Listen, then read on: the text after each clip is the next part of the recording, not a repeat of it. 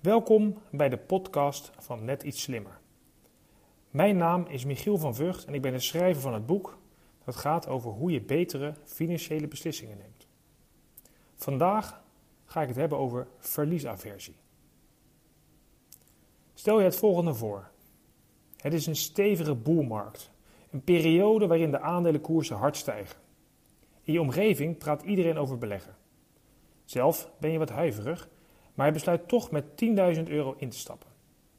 Tijdens een presentatie heb je geleerd dat beleggen iets is voor de lange termijn. Je kijkt dus bewust een tijdje niet naar je saldo. Lastig, want je hebt wel meegekregen dat de aandelenkoersen na je storting toch weer behoorlijk zijn gedaald. Nu log je weer in en hoop je op zijn minst het inlegbedrag te zien staan. Helaas staat er 9000 euro. Hoe voel je je? Welke gedachten komen in je op? Wat zou anders zijn als er 11.000 euro had gestaan? De antwoorden op deze vragen zijn onderzocht door Richard Thaler. Hij kwam erachter dat verlies twee keer zoveel impact heeft als winst.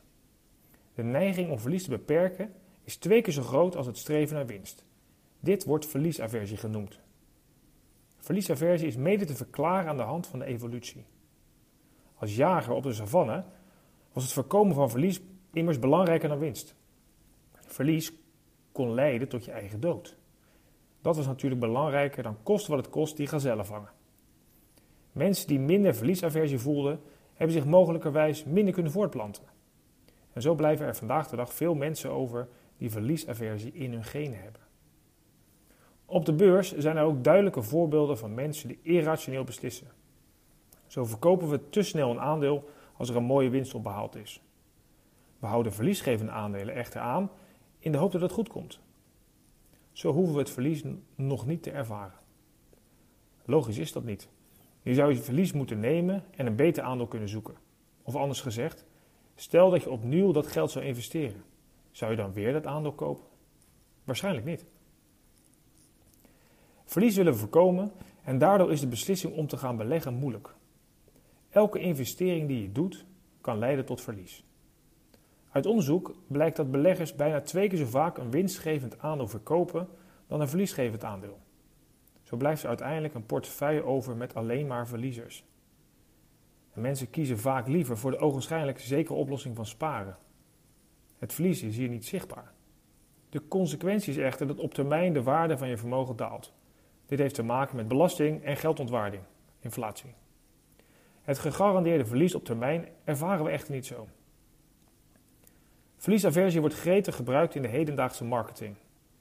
Zo zul je vast herkennen dat je meer geneigd bent je aan te melden voor een nieuwsbrief als er iets te verliezen valt. Bijvoorbeeld, meld je aan voor de nieuwsbrief en we houden je op de hoogte.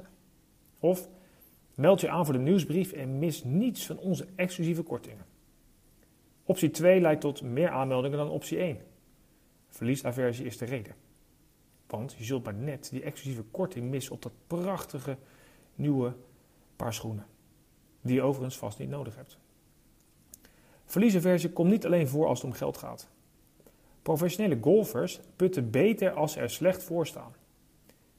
Even uitleggen, in het golf heeft elke hole een par. En dit is het aantal slagen dat je erover mag doen om de bal in de hole te krijgen. Doe er meer slagen over, dan krijg je punten. Doe er minder slagen over, dan gaan er punten af.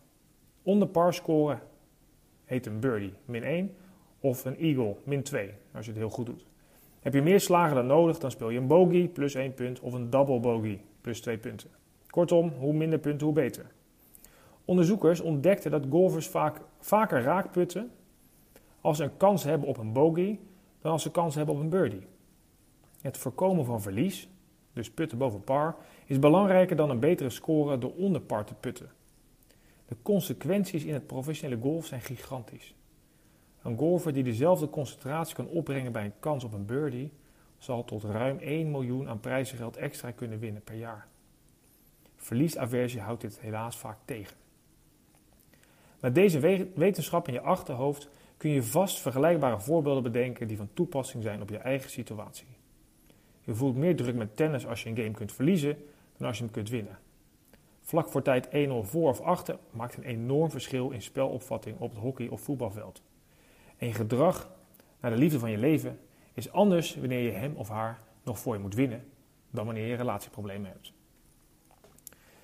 Wat doe je hier nu mee? Een manier om rationeel om te gaan met verlies is het werken vanuit een plan. Dit geldt zeker als het gaat om geldzaken. Een belegging ga je aan voor een langere termijn. Stel een plan op met regels en laat die regels bepalen of je wel of niet moet verkopen of aankopen. Dat plan brengt ratio in je beslissing. Zorg er tevens voor dat je vooraf goed geïnformeerd bent over de verliezen die mogelijk gaan komen. Beleggen gaat gepaard met dalingen en stijgingen en laat je daardoor dus niet afleiden.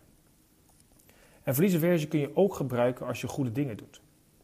Stel je eens voor dat je vijf weken lang elke week twee keer gaat sporten. Je bent trots op jezelf. Verliesaversie kan je motiveren om de zesde week ook twee keer te gaan. Je hebt je trots te verliezen. Maar wees ook realistisch. We zullen altijd dingen verliezen. Van geld tot banen en van wedstrijden tot naasten. En als je dat weet, kun je het verlies makkelijker accepteren en zul je minder angst ervaren. Probeer daarbij ook nog te bezien of het verlies positieve gevolgen kan hebben. Het verliezen van een baan kan leiden tot een gewenste eigen bedrijf. Uiteindelijk doen we in, ons eigen, in onze eigen wereld veel dingen op basis van de regel dat risico nemen loont. Dat geldt voor ondernemers, beleggers en avonturiers. Je snapt allemaal dat er soms ook verlies zal zijn, maar dat de beloning juist meer waard is. Meer over dit onderwerp en andere vergelijkbare onderwerpen, kijk vooral eens op mijn website www.michielvanvugt.com of koop mijn boek Net iets slimmer bij managementboek.nl of bol.com. Veel plezier en tot de volgende podcast.